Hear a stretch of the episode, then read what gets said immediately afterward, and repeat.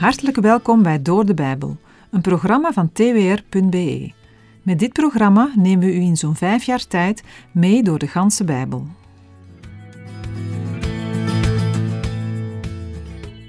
Vandaag uitzending 713.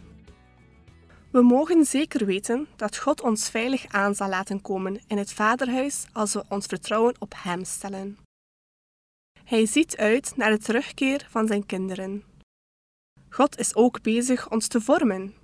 Hij wil graag mooiere, heilige mensen maken, die het beeld van zijn zoon weerspiegelen. Dat doet hij zelf en hij zal het ook afmaken. God geeft niet op en God levert ook geen halfwerk. Wat hij doet is goed en mooi, ook in u.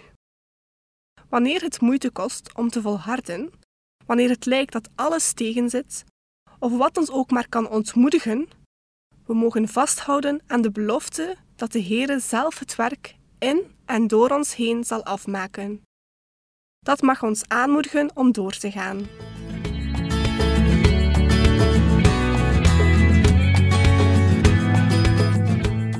In de vorige uitzending hebben we gelezen hoe de apostel Paulus zijn innigste gevoelens naar de gelovigen in Filippi uit. De Heer is zijn getuige dat wat hij zegt ook echt waar is.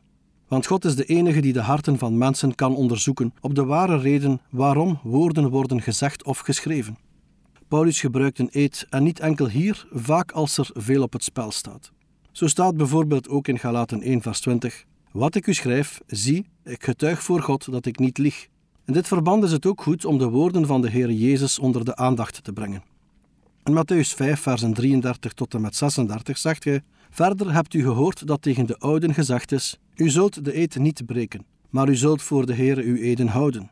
Maar ik zeg u: zweer in het geheel niet, niet bij de hemel, want dat is de troon van God, niet bij de aarde, want dat is de voetbank van zijn voeten, en ook niet bij Jeruzalem, want dat is de stad van de grote koning. Ook bij uw hoofd mag u niet zweren, want u kunt niet één haar wit of zwart maken. Wat bedoelt Jezus hier? Gaat Paulus dan in de fout de fariseeën maakten onderscheid tussen het zweren bij de naam van God en zweren bij geschapen dingen. Het eerste had volgens hen bindende kracht, en van het tweede kon een mens zich terugtrekken. Maar God is Heere over heel zijn schepping. Daarom is elke mijneet een belediging van zijn naam. Om de betrouwbaarheid van gesproken woorden te verzekeren, werd er in het dagelijks taalgebruik regelmatig gezworen. Jezus wijst de oneerlijkheid af die door de opvatting van de fariseeën in de hand werd gewerkt. Daarmee wordt een oprechte eed niet verboden. De Heer Jezus zegt in Matthäus 5 dat wij mensen zouden moeten zijn die geen eed nodig hebben. Een volgeling van de Heer Jezus moet zo betrouwbaar zijn dat wat hij zegt voldoende is. Daarmee geeft Jezus aan dat een gelovige, een kind van God, onder alle omstandigheden te vertrouwen moet zijn. Daarom staat er in Matthäus 5, vers 37: Laat uw woord ja echter ja zijn, en uw nee nee. Wat hierboven uitgaat, is uit de boze. Filippenzen 1, vers 9. En dit bid ik dat uw liefde nog steeds overvloediger wordt in kennis en alle fijngevoeligheid. Na het dankgebed volgt de voorbede van de apostel voor de Filippenzen. Paulus bidt dat de liefde van de gemeente, die al is gebleken in hun gemeenschap met hem en zijn evangelieprediking, nog overvloediger zal worden. De liefde is de uiting van het geloof en een vrucht van de Heilige Geest in de gelovigen. Door de liefde mogen gelovigen elkaar en anderen dienen. In Galaten 5, vers 6 zegt Paulus: en Christus Jezus heeft namelijk niet het besneden zijn enige kracht en ook niet het onbesneden zijn, maar het geloof dat door de liefde werkzaam is. En in Galaten 5, vers 13 wordt nog aangevuld: Want u bent tot vrijheid geroepen, broeders, alleen niet tot die vrijheid die aanleiding geeft aan het vlees, maar dien elkaar door de liefde. Liefde wordt ook genoemd in Galaten 5, vers 22, waar de vruchten van de Heilige Geest opgesomd worden. Deze liefde hangt samen met doorleefde kennis van God een diep geloof en inzicht in de dingen van de Heer. Maar liefde betekent niets als we het wel weten, maar niet doen. Liefde uit zich in en op het terrein van kennis en moreel inzicht. Door liefde groeit de kennis van de Heer en van zijn koninkrijk, en daarbij het inzicht in het juiste handelen. Terug naar vers 9. Paulus is een man van gebed. Hij bidt niet alleen voor de gelovigen in Filippi, maar ook voor gelovigen in andere plaatsen. We lezen bijvoorbeeld in Colossensen 1 vers 9 Daarom houden ook wij niet op, vanaf de dag dat wij het gehoord hebben, voor u te bidden en te smeken dat u vervuld mag worden met de kennis van Zijn wil, in alle wijsheid en geestelijk inzicht. In het gebed van Paulus voor de gelovigen in Filippi staat de liefde centraal. Hij bidt voor de gelovigen dat ze meer en meer van liefde zullen overvloeien, zodat ze een diep geloof en inzicht in de dingen van God zullen krijgen. En dat wil ik ook graag voor jou en mij bidden. Dat wij meer en meer van liefde zullen overvloeien, zodat we een diep geloof en inzicht in de dingen van de Heer mogen ontvangen. Dus de christenen in Filippi, maar ook vandaag, moeten zich richten op God en zijn koninkrijk, en daarnaast op hun naasten. Want God liefhebben boven alles en uw naaste als uzelf is de basis van de hele wet en de profeten. In Matthäus 22, versen 37 tot en met 40 staat: Jezus zei tegen hem: U zult de Heere uw God liefhebben, met heel uw hart, met heel uw ziel en met heel uw verstand. Dit is het eerste en het grote gebod. En het tweede, hieraan gelijk, is: U zult uw naaste liefhebben als uzelf. Aan deze twee geboden hangt heel de wet en de profeten. Deze liefde moet zich uiten in een diep geloof en inzicht in de dingen van God. Inzicht in de dingen van God en geloof zijn geen tegenstelling, maar vullen aan en ondersteunen elkaar. Over dit inzicht in de dingen van God schrijft de apostel onder andere in Efeze 1, versen 7 tot en met 18. Daar staat: In hem hebben wij de verlossing door zijn bloed, namelijk de vergeving van de overtredingen, overeenkomstig de rijkdom van zijn genade, die hij ons overvloedig geschonken heeft, in alle wijsheid en bedachtzaamheid, toen hij ons, overeenkomstig zijn welbehagen, dat hij in zichzelf voorgenomen had, het geheimenis van zijn wil bekend maakte, om in de bedeling van de volheid van de tijden alles weer in Christus bijeen te brengen, zowel wat in de hemel als wat op de aarde is. In hem zijn wij ook erfdeel geworden, wij die daartoe voorbestemd waren, naar het voornemen van hem die alle dingen werkt overeenkomstig de raad van zijn wil, opdat wij tot lof van zijn heerlijkheid zouden zijn. Wij die al eerder onze hoop op Christus gevestigd hadden. In hem bent ook u, nadat u het woord van de waarheid, namelijk het evangelie van uw zaligheid, gehoord hebt. In hem bent u ook, toen u tot geloof kwam, verzegeld met de Heilige Geest van de belofte, die het onderpand is van onze erfenis, tot de verlossing die ons ten deel viel, tot lof van zijn heerlijkheid.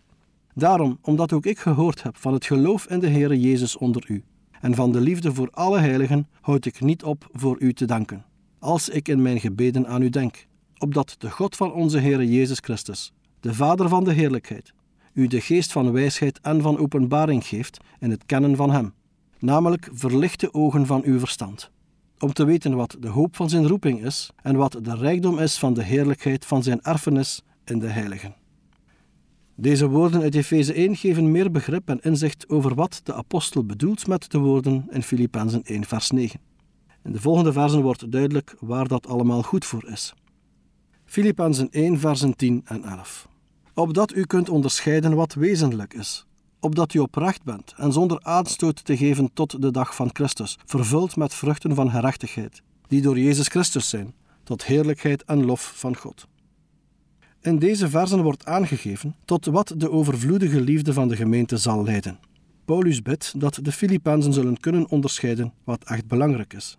Het gebruikte Griekse woord voor onderscheiden betekent enerzijds beoordelen en beproeven, en anderzijds erkennen, goedkeuren of onderscheiden. Het gevolg van het kunnen onderscheiden is dat de gelovigen zuiver zullen zijn.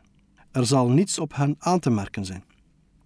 In Handelingen 24, vers 16 lezen we dat Paulus deze richtlijn ook voor zichzelf hanteert. Daar staat: En daarom oefen ik mijzelf om altijd een zuiver geweten te hebben voor God en de mensen. Zowel in het geweten van een gelovige als in het optreden naar buiten moet dit nagestreefd worden. En dat tot de dag van Christus. Pas dan zullen de gelovigen de volmaaktheid bereiken. De liefde, de kennis en het inzicht, het onderscheiden, het zuiver en niet tot aanstoot zijn van gelovigen zijn allemaal gericht op de wederkomst van Jezus Christus. Het onderscheiden waarop het aankomt is voor een gelovige niet altijd even gemakkelijk. Een christen moet met een kritische blik in het vaak gecompliceerde menselijke leven staan. In 1 Thessalonicenzen 5, versen 21 en 22 staat: Beproef alle dingen, behoud het goede, Onthoud u van elke vorm van kwaad. En in 1 Johannes 4, versen 1 tot en met 3 staat: Geliefden, geloof niet elke geest, maar beproef de geesten of zij uit God zijn. Want er zijn veel valse profeten in de wereld uitgegaan. Hieraan leert u de geest van God kennen. Elke geest die beleidt dat Jezus Christus in het vlees gekomen is, is uit God. En elke geest die niet beleidt dat Jezus Christus in het vlees gekomen is, is niet uit God. Maar dat is de geest van de Antichrist, waarvan u gehoord hebt dat hij komt en die nu al in de wereld is. Na de opmerkingen over zuiver zijn tot de dag van Christus gaat de apostel verder over de consequenties daarvan, namelijk vervuld zijn met vruchten van gerechtigheid, die door Jezus Christus zijn, tot heerlijkheid en lof van God. Een geheiligd leven kan niet zonder vrucht blijven. Het doen van Gods wil heeft Gods gerechtigheid als vrucht. Dat betekent dat de wil van God wordt gedaan. Het wordt mooi verwoord in Romeinen 6, versen 13 en 14. Daar staat: En stel uw leden niet ter beschikking aan de zonde als wapens van ongerechtigheid, maar stel uzelf ter beschikking aan God, als mensen die uit de doden levend geworden zijn. En laat uw leden wapens van gerechtigheid zijn, voor God, want de zonde zal over u niet heersen. U bent namelijk niet onder de wet, maar onder de genade. Vrucht dragen wijst enerzijds op inspanning van de gelovigen, anderzijds kunnen gelovigen alleen vrucht dragen als zij in de ware wijnstok, in Christus, zijn geënt. Dat wordt aangegeven door de woorden door Jezus Christus. De gerechtigheid heeft als doel dat God wordt verheerlijkt en geprezen. Zo eindigt het gebed van Paulus, met eer en lof aan de Heer, de God en Vader van onze Heer Jezus Christus. Filippenzen 1 vers 12 En ik wil dat u weet, broeders, dat wat er met mij is gebeurd, veel eer tot bevordering van het evangelie heeft gediend.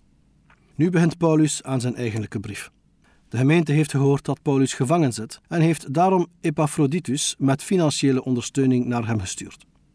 Paulus wil met zijn brief de gemeente van Filippi informeren over de dingen die hem zijn overkomen. Daarmee bedoelt de apostel zijn gevangenschap en zijn verdediging van het evangelie voor de rechtbank. Waarschijnlijk hebben de Filippenzen zich over Paulus ongerust gemaakt. Daarom benadrukt hij dat zijn zaak zich juist in positieve zin heeft ontwikkeld. De voortgang is in twee opzichten, zoals we in de versen 13 en 14 zullen lezen. Juist in de uiterlijke tegenslag van Paulus' gevangenschap wordt zichtbaar hoe de Heer alle dingen laat meewerken ten goede. In Romeinen 8, vers 28 staat: Wij weten dat voor hen die God liefhebben, alle dingen meewerken ten goede. Voor hen namelijk die overeenkomstig zijn voornemen geroepen zijn. Het plan dat de Heer met Paulus had, was dat hij het evangelie aan de niet-Joden zou verkondigen. God zorgde zelf dat de verkondiging van het evangelie voortgang vond. In 2 Timotheus 2 vers 9 staat dat Paulus door de verkondiging van het evangelie in moeilijkheden is gekomen en als een misdadiger gevangen is gezet. Maar het woord van God laat zich niet gevangen zetten. Anders dan de Filippenzen hadden verwacht, deelt Paulus mee dat zijn gevangenschap juist heeft bijgedragen aan de verkondiging van het evangelie. De verhoren die hij moest ondergaan, hebben hem de gelegenheid gegeven de reden van zijn gevangenschap aan de orde te stellen. Filippenzen 1, vers 13. Ik wil dat u weet dat in het hele gerechtsgebouw en aan alle overigen bekend is geworden dat ik een gevangene ben om Christus wil. Paulus zit gevangen omdat hij getuigt van het evangelie en niet wegens een misdaad of een persoonlijk vergrijp. Waarschijnlijk werd de apostel op grond van een valse aanklacht beschuldigd. Maar na een aantal verhoren is het voor iedereen duidelijk dat Paulus vanwege zijn geloof in Christus gevangen zit. Deze uitkomst is bekend geworden aan iedereen. Het gebruikte Griekse woord voor gerechtsgebouw kan ook een aanduiding zijn voor de legertent van de bevelhebber, het hoofdkwartier in een Romeins legerkamp. Daarom spreken sommige vertalingen van soldaten.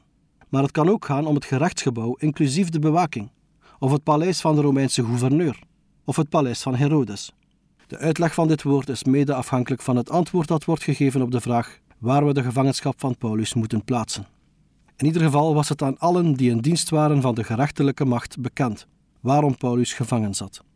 Hier wordt waarschijnlijk bedoeld dat het algemeen bekend was geworden dat Paulus om het geloof in Christus in de gevangenis zat. Als slot van deze uitzending wil ik even terugblikken naar de bekering van Paulus. In Handelingen 9, versen 15 tot en met 17 staat: maar de Heere zei tegen Ananias: Ga, want Paulus is voor mij een uitverkoren instrument om mijn naam te brengen naar de heidenen en de koningen en de Israëlieten. Want ik zal hem laten zien hoeveel hij moet lijden voor mijn naam. En Ananias ging heen en ging het huis binnen. En na hem de handen opgelegd te hebben, zei hij: Saul, broeder, de Heere heeft mij gestuurd, namelijk Jezus, die u verschenen is op de weg waarlangs u gekomen bent, opdat u weerziende zou worden en met de Heilige Geest vervuld zou worden. Paulus heeft van toen af het evangelie wijd verspreid onder de burgers van het Romeinse Rijk en zoals we lazen, in gevangenschap ook aan zijn bewakers, soldaten van de Romeinse keizer. Later schreef Tertullianus dat de Romeinse overheid ongerust werd omdat op allerlei vooraanstaande posities christenen werden aangesteld of ambtenaren christenen werden en zich bekeerden van de Romeinse afgoden om de levende God te dienen. Paulus werd in zijn gevangenschap niet gehinderd bij de verkondiging van het evangelie. Dat brengt mij bij de volgende vraag. Waardoor worden wij gehinderd? Wat weten de mensen in onze omgeving van ons geloof in Christus? U heeft geluisterd naar Door de Bijbel, een programma waarin we in vijf jaar tijd de ganse Bijbel bespreken. De basis voor het programma is de Bijbelstudiereeks van Dr. Vernon McGee, Through the Bible. Het werk van Dr. McGee werd reeds in meer dan 100 talen bewerkt. Door de Bijbel is de Vlaamse versie. Meer info over Through the Bible en andere bewerkingen vindt u op www.ttb.org. Bovendien is bij de productie van het programma dankbaar gebruik gemaakt van de studiebijbel van het Centrum voor Bijbelonderzoek. De studiebijbel online werd gebruikt voor research en wordt ook met toestemming regelmatig geciteerd. Meer informatie vindt u op www.studiebijbel.nl. Wij raden een abonnement op de Studiebijbel-app aan, als u nog dieper op de Bijbel wilt ingaan. U kan elke werkdag naar een nieuwe uitzending luisteren en u kan ook steeds voorbije uitzendingen opnieuw beluisteren of downloaden. Als u wilt reageren op deze uitzending of u heeft vragen, dan kunt u uiteraard contact met ons opnemen. U kan een e-mail sturen naar doordebijbel.twr.be. Verder kan u op onze site terecht www.twr.be voor meer info en het beluisteren van onze overige programma's. Dit programma werd gepresenteerd door Patrick Couchement en Anne Notenboom. Wij danken u voor het luisteren en graag tot een volgende keer.